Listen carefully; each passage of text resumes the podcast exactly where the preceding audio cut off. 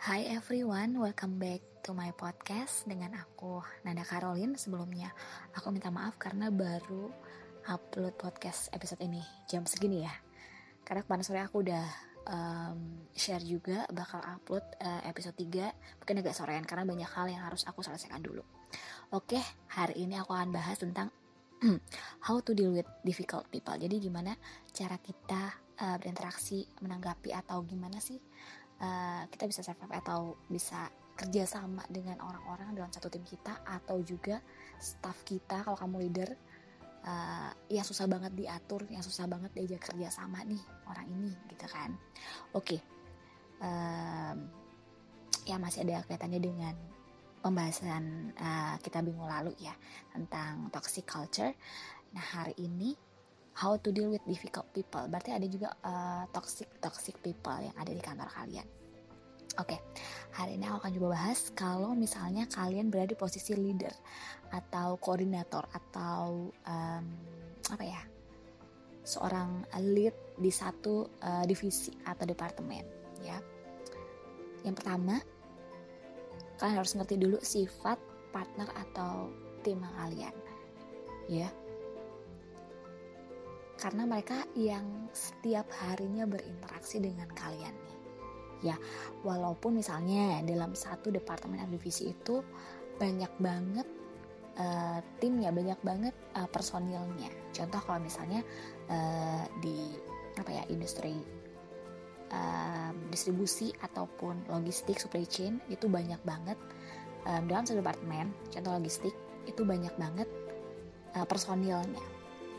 Tapi kita bakal tahu kok sebagai leader yang baik kita harus paham gimana sih tim kita masing-masing personalnya itu apa kelebihan dan kekurangannya apa. Nah nanti aku akan bahas di uh, episode lain ya tentang leadership tentang leader potensial how you can improve your leadership style itu ntar. Nah untuk hari ini how to deal with difficult people yang pertama mengerti dulu sifat atau uh, sifat partner atau tim kerja kamu. Dan kalian harus sadar bahwa setiap orang memiliki kepribadian yang berbeda. Mungkin benar si A ini toxic banget aku susah banget deh ngajak dia ngomong aku susah banget deh kayaknya ngelit dia kalau diarahin ini ada deh jawaban yang uh, diarahin itu ada aja jawabannya oke yang pertama, sebagai leader yang baik, lakukan itu coaching. Kau panggil dia, ajak bicara apa masalahnya. Untuk sebagian orang, memang ada yang kuat di bagian administratif atau ada juga yang kuat di bagian uh, eksekutor ya. Misalnya dalam satu project nih, wah dia um, apa ya? lebih bersemangat daripada yang lain. Pengerjaannya dia lebih cepat, tapi untuk administratifnya dia kurang di lapangan dia lebih oke. Okay. Nah, kadang ada juga eh, orang-orang uh, yang apa ya uh, senior lah bisa dibilang orang-orang lama yang mungkin tidak nyaman dengan keberadaan kamu. Kalau misalnya kamu sebagai leader baru ataupun orang baru di sana walaupun kamu orang lama deh ada satu atau dua orang yang memang uh, ngerasa nggak uh, deh kayaknya aku nggak mau disuruh-suruh sama dia deh. Dia nggak cocok dari jadi leader aku. Dia bukan leader yang baik buat aku. Dan bisa manasin satu atau dua orang lain yang ada di, tam, di tim kamu. Oke. Jadi kembali lagi mengerti sifat partner. Gimana kita harus mentreat per orang itu berbeda misalnya uh, cara kamu memperlakukan si A dengan cara kamu memperlakukan si B itu beda kita tahu dia orangnya lebih temperamen, lebih berapi-api ya. Nah, itu juga berarti uh, kalian harus memanage cara komunikasi yang baik dengan tim kalian. How to develop. Udah tahu nih, si A dan si B bermasalah nih kacau mulu kerjaannya. Udah dipanggil, udah di coaching, uh, masih aja seperti itu. Coba lebih apa ya? Kalau aku pribadi uh, akan panggil mereka secara personal, tanya kenapa masalahnya. Jangan sampai nanti ada urusan di luar pekerjaan yang kebawa ke dalam urusan pekerjaan. Rata-rata memang seperti itu. Oke. Okay? Jadi, yang pertama mengerti sifat partner atau tim kerja kalian dan sadar bahwa setiap orang memiliki perbedaan yang berbeda. Cara treatnya juga berbeda. Begitu juga cara pengambilan keputusan mereka. Oke. Yang paling penting cara komunikasi yang baik. Win-win solution. Oke. Coba tanya pada diri kalian deh. Am I ready to be a great leader? To develop a great team? Back to our culture leadership. Oke, untuk malam ini uh, aku akan bagi dua sesi. Mungkin untuk next aku akan lebih jelasin lagi tentang uh, leader potensial. Gimana sih uh, to improve your leadership, terus uh, your potential skill. Nanti aku akan share juga uh, di episode selanjutnya. Oke, yang mau tanya-tanya bisa DM aku di Instagram aku nandasi.ray atau di LinkedIn aku Ernada di Caroline. Oke, thank you semua. Good night. Semoga bermanfaat untuk kalian semua ya. Terima kasih sudah dengerin podcast aku.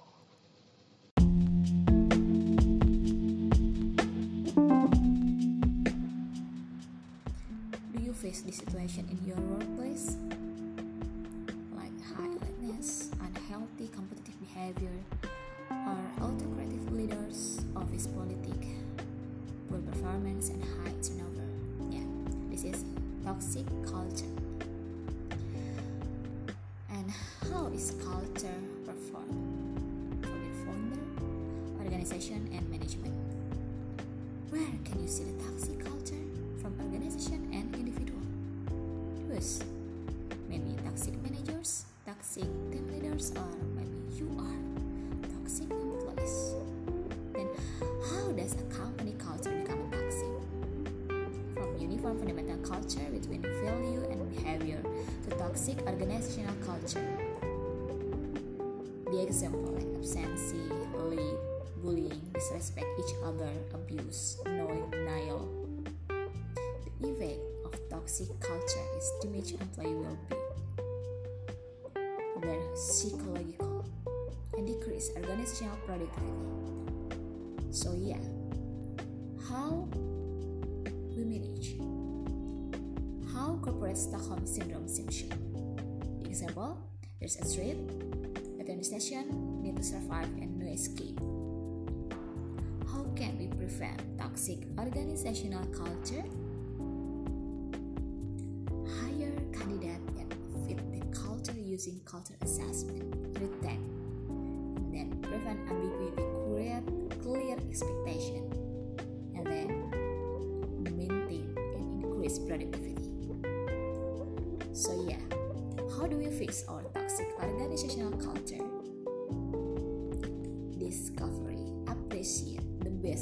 What is it.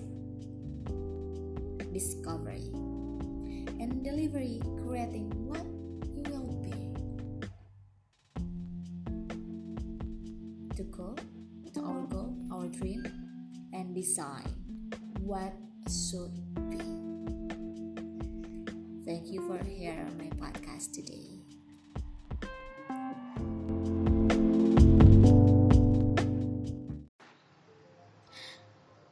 Everyone, selamat sore.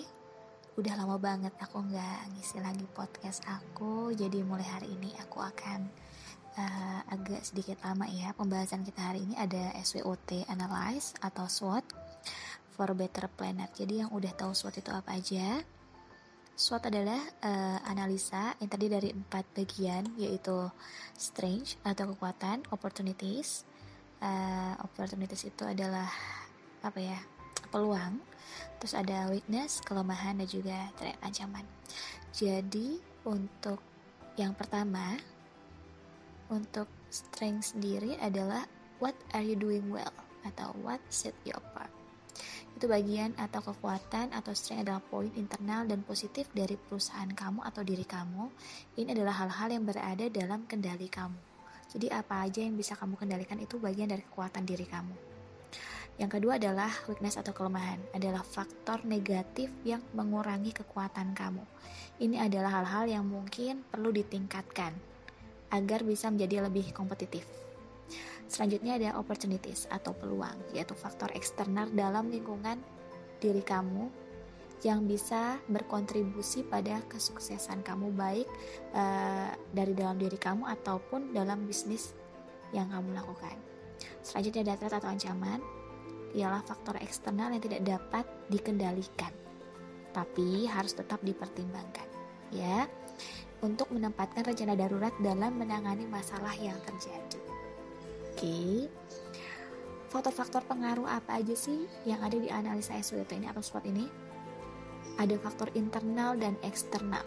Contoh, kalau faktor internalnya ada sumber daya memadai, karyawan yang kompeten kalau di perusahaan kamu, atau kepercayaan masyarakat pada perusahaan kamu, keahlian pemasaran yang baik, itu semua di bagian internal. Dan eksternal adalah kemajuan bisnis, budaya masyarakat, kebijakan dan ideologi sosial ataupun peraturan serta pedoman pemerintah yang ada. Oke, sampai sini udah paham ya. Jadi SWOT terbagi menjadi dua, yaitu bagian internal dan eksternal. Nah, seperti tadi aku jelasin pertama.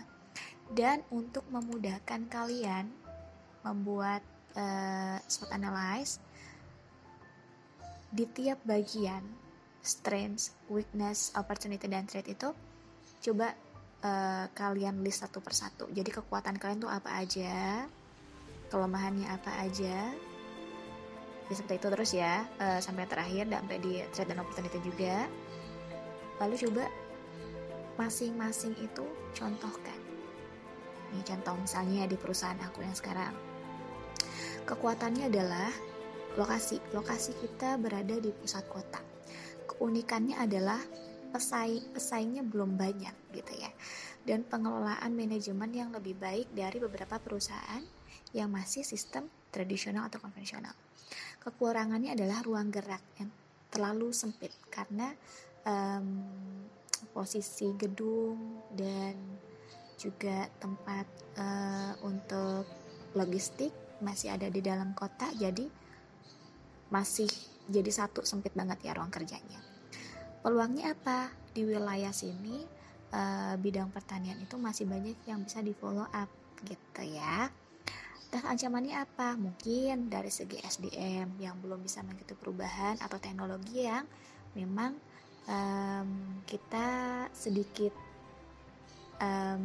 terskip ya, maksudnya ke pending beberapa hal. Tapi bukan berarti kita um, jauh dari perubahan atau masih primitif nggak gitu ya memang uh, butuh waktu gitu itu salah satu contoh aja jadi uh, hari ini kalian udah tahu apa aja yang bisa kalian analyze dari SWOT ini tadi baik dalam diri kalian sendiri ataupun di perusahaan tempat kalian bekerja. Dengan begitu kalian tahu kelemahan kalian apa, kekuatannya apa, kesempatan opportunity-nya apa, ancamannya apa, kalian tahu sendiri. Jadi kalian bisa mengatur itu semua sendiri apa yang harus aku perbaiki peluang mana yang harus aku masuki gitu ya Oke okay, for today, thank you for listening my podcast and see you next time.